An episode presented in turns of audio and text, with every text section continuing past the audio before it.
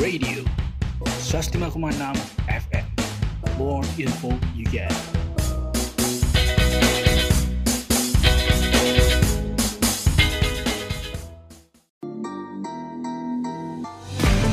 Biang Bincang Cuan More info you get.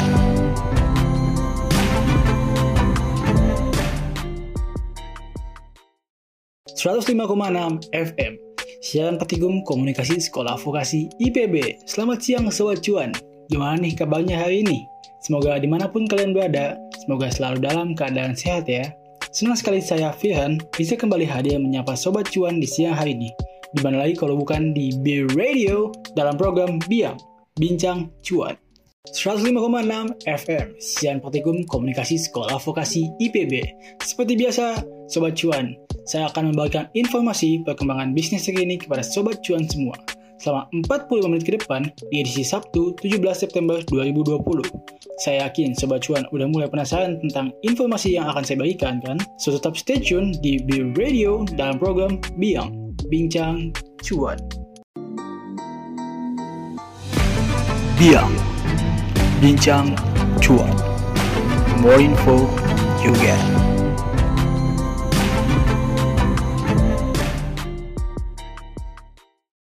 105,6 FM Siang Praktikum Komunikasi Sekolah Vokasi IPB Masih di e-radio bersama saya Firhan Subagia dalam program Biang Bincang Cuan.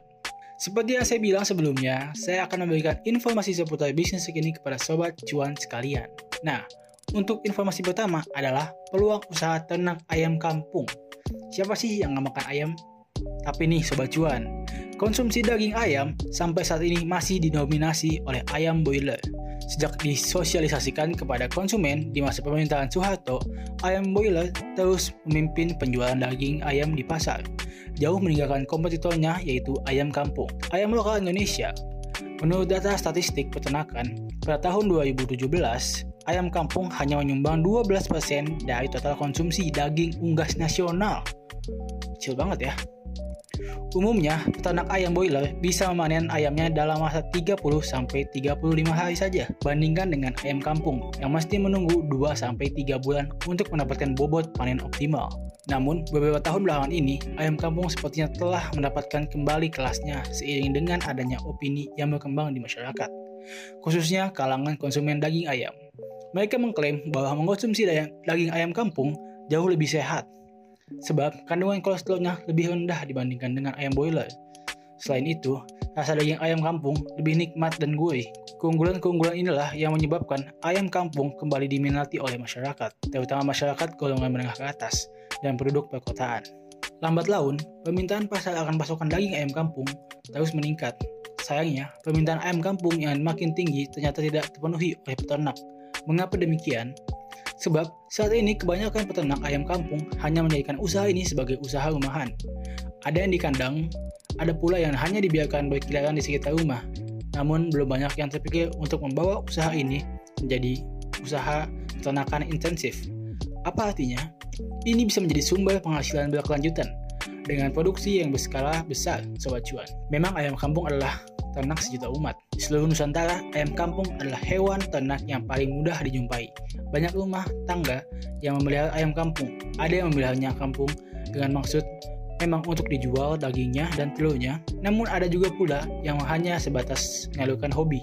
Ayam kampung memang dikenal sebagai ayam lokal Indonesia karena sudah sedemikian populer sehingga menjadikan ayam kampung sebagai komoditi, usaha tentunya tidak akan begitu sulit. Kebanyakan orang sudah tahu siklus hidup ayam kampung seperti apa dan bagaimana perawatannya, bagaimana mengembangbiakan ayam itu untuk memperbanyak populasinya, terkhusus masyarakat di pedesaan. Memelihara ayam kampung sudah menjadi tradisi turun-temurun. Saya percaya bahwa usaha ayam kampung secara intensif sangat cocok dilakukan di pedesaan dengan lingkungan yang sejuk, sumber pakan ayam melimpah, dan sumber daya manusia yang sudah telaten. Desa akan menjadi lokasi usaha yang tepat. Nah, Sobat Cuan, dari hari ke hari permintaan daging ayam kampung terus meningkat. Konsumen daging ayam kampung seperti memiliki kelas tersendiri. Rumah makan dan restoran makin banyak yang menyajikan menu daging ayam kampung. Rumah tangga pun kini makin banyak yang beralih dari daging ayam boiler ke ayam kampung. Hal ini tidak terlepas dari kualitas daging ayam kampung yang memang berbeda dibandingkan dengan ayam boiler. Jika Anda tertarik untuk memulai usaha ini, coba sesekali Anda melakukan survei ke pasar atau ke masyarakat. Yakin saja, kebanyakan dari konsumen daging ayam akan lebih menyukai daging ayam kampung. Selain daging, telur ayam kampung juga adalah komoditi pasar unggulan di masyarakat. Telur ayam kampung digunakan sebagai suplemen penambah stamina. Oleh sebab itu, meskipun dengan harga yang lebih mahal dibandingkan telur ayam ras, telur ayam kampung memiliki segmen pembelian tersendiri. Telur ayam kampung memiliki segmen pembelian tersendiri. Jika Sobat Cuan tertarik untuk melakukan ternak ayam kampung, rencanakanlah dengan baik Sobat Cuan. Peternakan juga bisa menggarap penjualan bibit ayam kampung sekaligus. Bagian ini sangat memerlukan pengetahuan yang lebih tentang branding atau pembibitan ayam.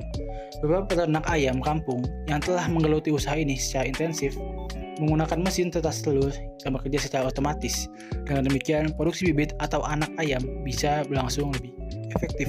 Seperti yang saya sampaikan di awal Sobat Cuan, bahwa konsumsi daging ayam saat ini masih didominasi oleh ayam broiler. Sehingga pelaku usaha ayam kampung di pasar pun masih sangat terbatas, sedangkan kita sudah tahu bahwa daging ayam kampung memiliki kelas konsumen sendiri di masyarakat, yang jumlahnya terus bertambah. Di samping itu, karena kualitas daging ayam lebih nikmat, di pasaran, harga daging ayam kampung lebih tinggi dibandingkan harga daging ayam broiler. Beberapa fakta ini tentu sangat memukau bagi orang yang biasa melihat sebagai peluang bisnis. Pembudidayaan ayam kampung secara intensif berskala bisnis ibaratnya masih bisa dihitung jari.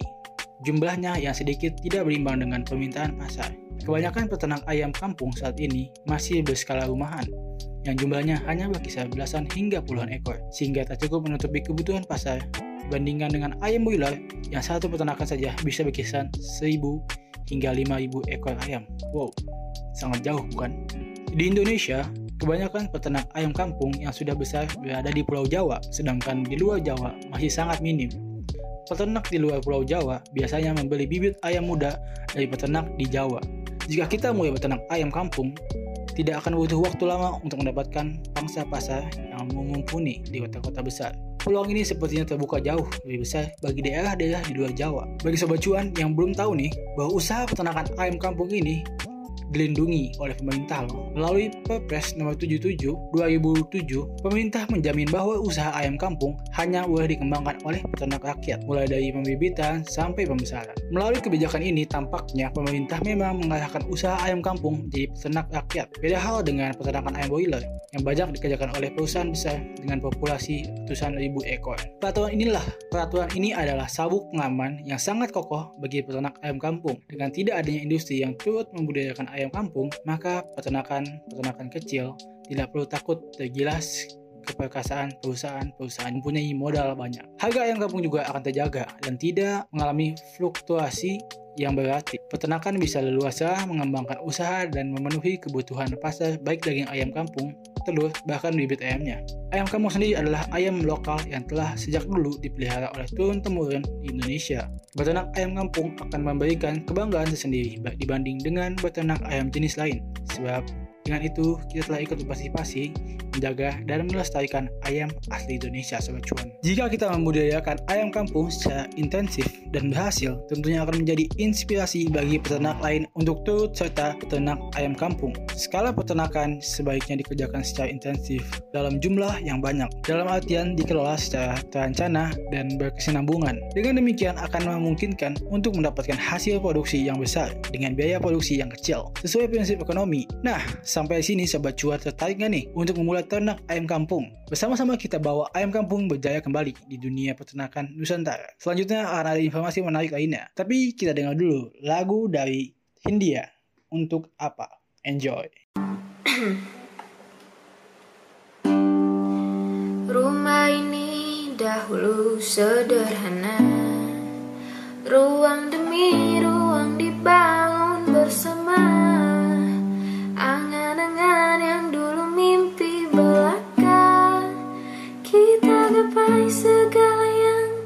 sangka Tak sadar menimbun lebih berharga. Berdiri di atas yang lebih bermakna Anak tangga yang berlebihan jumlahnya. Mendaki terus entah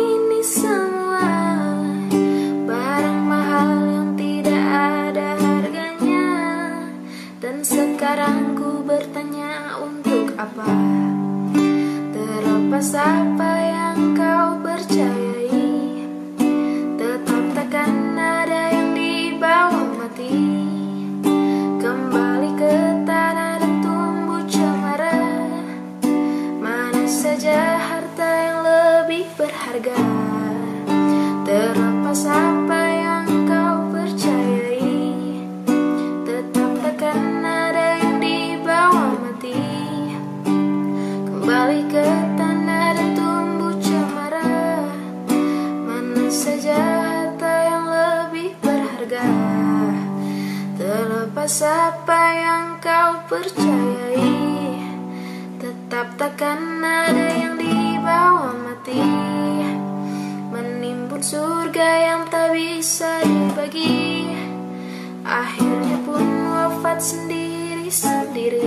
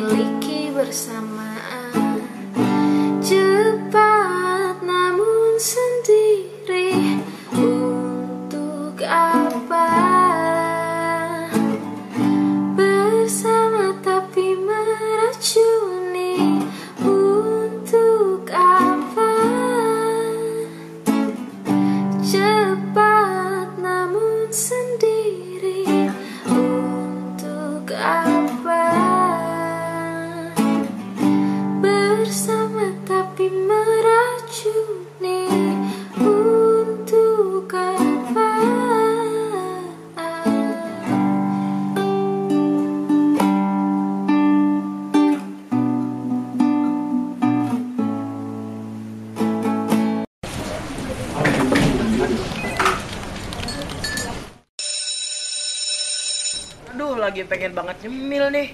Ya udah, belilah sana cemilan mumpung istirahat nih. Tapi beli apa ya? Ya elah, itu mah beli aja kue-kue di bawah kayak biasa. Ah, nggak mau dah gua. Pengen yang nggak biasa, bro. Yang belum pernah gue makan sebelumnya. Hmm, apa ya? Yang lu belum pernah makan? Apa ya? Ah, gimana kalau lu beli yam yam cokis aja bro? Itu coklatnya lumer. Wah, serius lu? Itu belinya di mana? Ya serius lah, belinya gampang banget lagi. Lu tinggal search di IG at yam yam cokis, terus langsung lu DM deh. Wah, segampang itu, bro. Iya, segampang itu. Langsung dah order.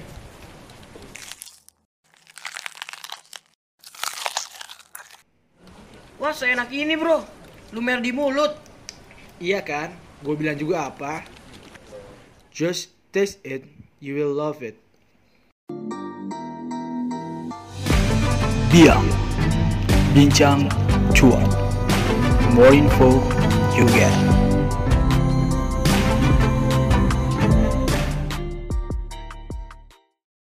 ...105,6 FM... ...Siaran Praktikum Komunikasi Sekolah Vokasi IPB... Baik lagi sama saya Fian Subagia di B Radio dalam program Biang Bincang Cuan. Informasi selanjutnya adalah tentang bagaimana cara mengembangkan bisnis dengan baik dan benar.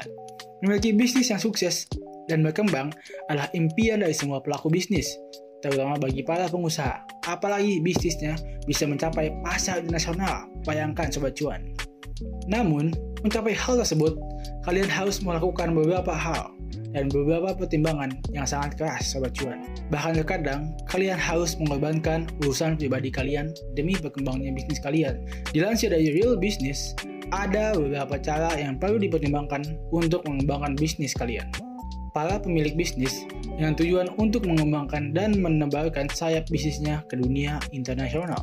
Pertama, menganggap bahwa teknologi adalah raja Menggunakan komunikasi digital adalah kunci yang sangat penting. Dengan teknologi berbasis e-meet, memungkinkan Anda untuk mengirim pesan secara instan atau chatting langsung dengan sejumlah sejumlah besar rekan-rekan bisnis dari mana saja. Nah, untuk menjadikan bisnis yang sukses hingga ke luar negeri, kalian harus memiliki pengetahuan tentang teknologi dan bagaimana kalian menerapkannya secara maksimal dalam bisnis yang kalian jalankan. Kalian juga harus meneliti dan menargetkan suatu melalui online. Jadi sebelum berkembang di seluruh dunia, berarti kalian harus bisa menjaga dengan konsisten keuntungan dan laba atas bisnis kalian. Dengan berbagai informasi yang lewat teknologi ini, akan sangat membantu kalian dan tim untuk tetap berhubung dan mengikuti pengembangan bisnis di dalam negeri maupun luar negeri. Selain itu, hal yang sangat penting untuk memajukan bisnis harus memiliki banyak tim yang bekerja. Karena sangat penting untuk kalian agar tetap berada di halaman yang sama dan bisa dihubungi setiap saat. Dan ini hanya mungkin dilakukan melalui teknologi infrastruktur yang mulus. Tuh, Sobat Cuan, harus diingat baik-baik ya. Tadi saya bilang. Yang kedua, bersiap menjadi fleksibel. Akan tetapi bagi mereka yang menolak perubahan dan gagal untuk memahami perbedaan dari pasar, biasanya susah untuk maju dan pastinya akan tertinggal jauh di belakang.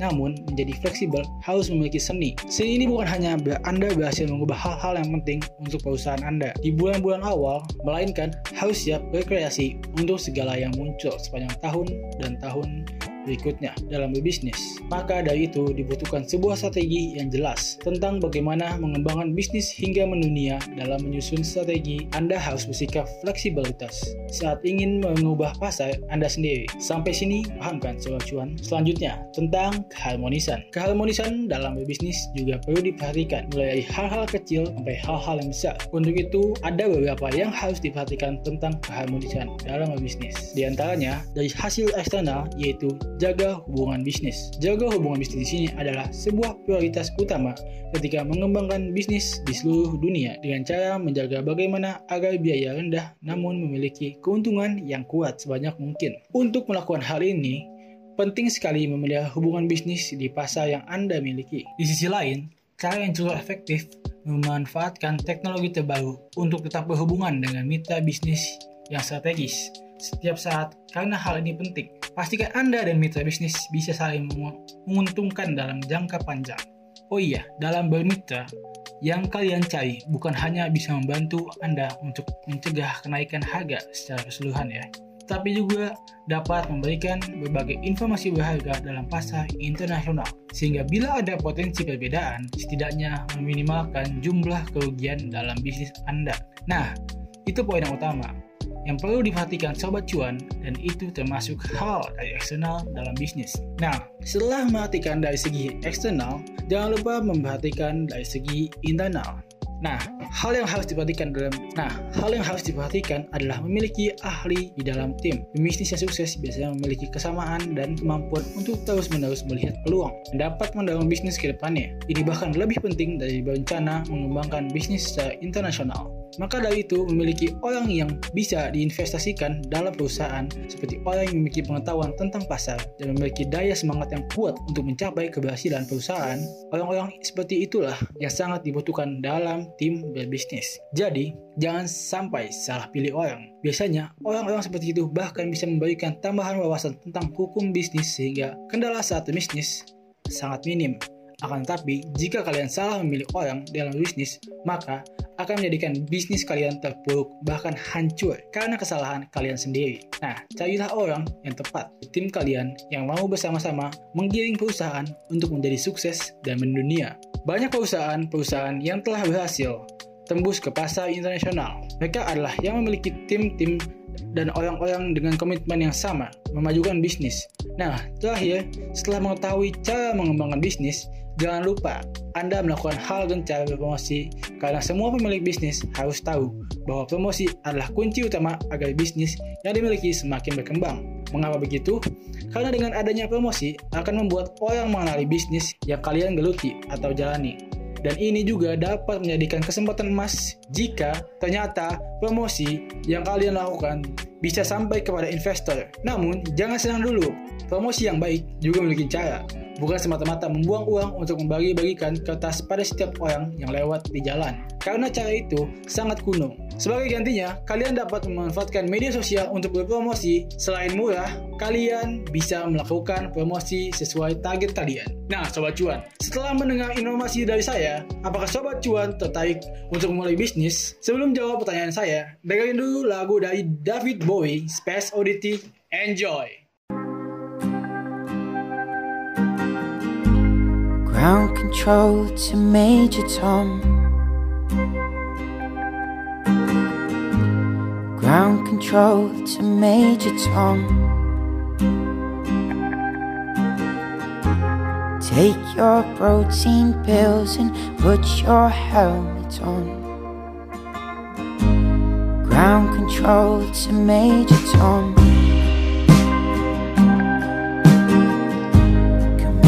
Commencing countdown engines on.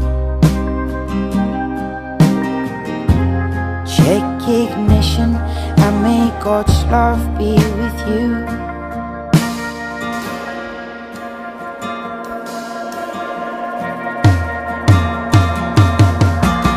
This is ground control to Major Tom. You've really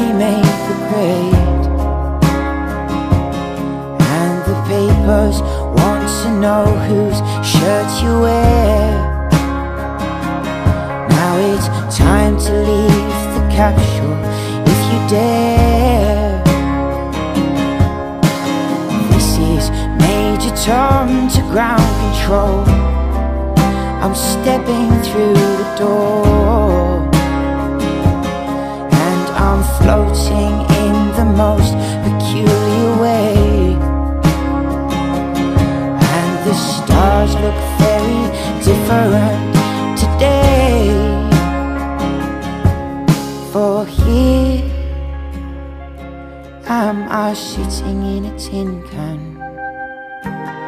far above the world. Planet Earth is blue, and there's nothing I can do.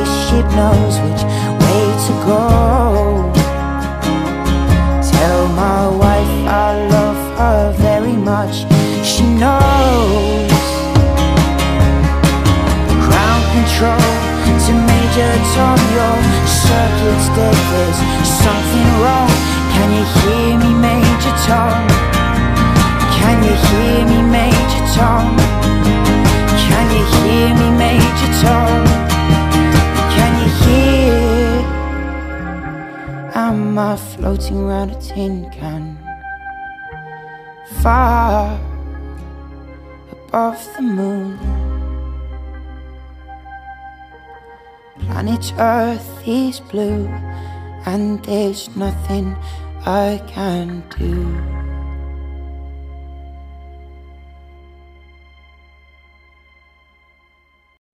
Sobat Cuan, sudah tahu belum tentang virus corona yang menjangkit bagian seluruh dunia? Virus corona adalah virus yang menyerang sistem pernafasan. Penyakit karena infeksi virus ini disebut COVID-19. Virus corona bisa menyebabkan gangguan pada sistem pernafasan, fenomena akut, sampai dengan kematian. Gejala klinis virus corona yakni seperti demam, batuk, gangguan pernafasan, sakit tenggorokan, letih, dan juga lesu. Bagaimana cara kita mencegahnya? Yang pertama, tutup mulut saat bersin atau batuk. Yang kedua, rajinlah mencuci tangan dengan sabun atau menggunakan cairan antiseptik. Yang ketiga, jaga kesehatan dengan banyak mengkonsumsi buah, sayur, dan tentunya rutin berolahraga. Dan ingat, hindari dulu tempat keramaian dan tetap di. Stay healthy and stay at home. Iklan ini dipersembahkan oleh layanan masyarakat.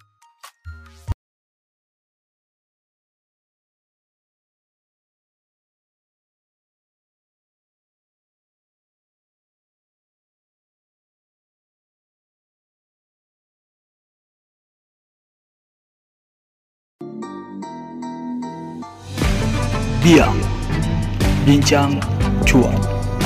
More info you get.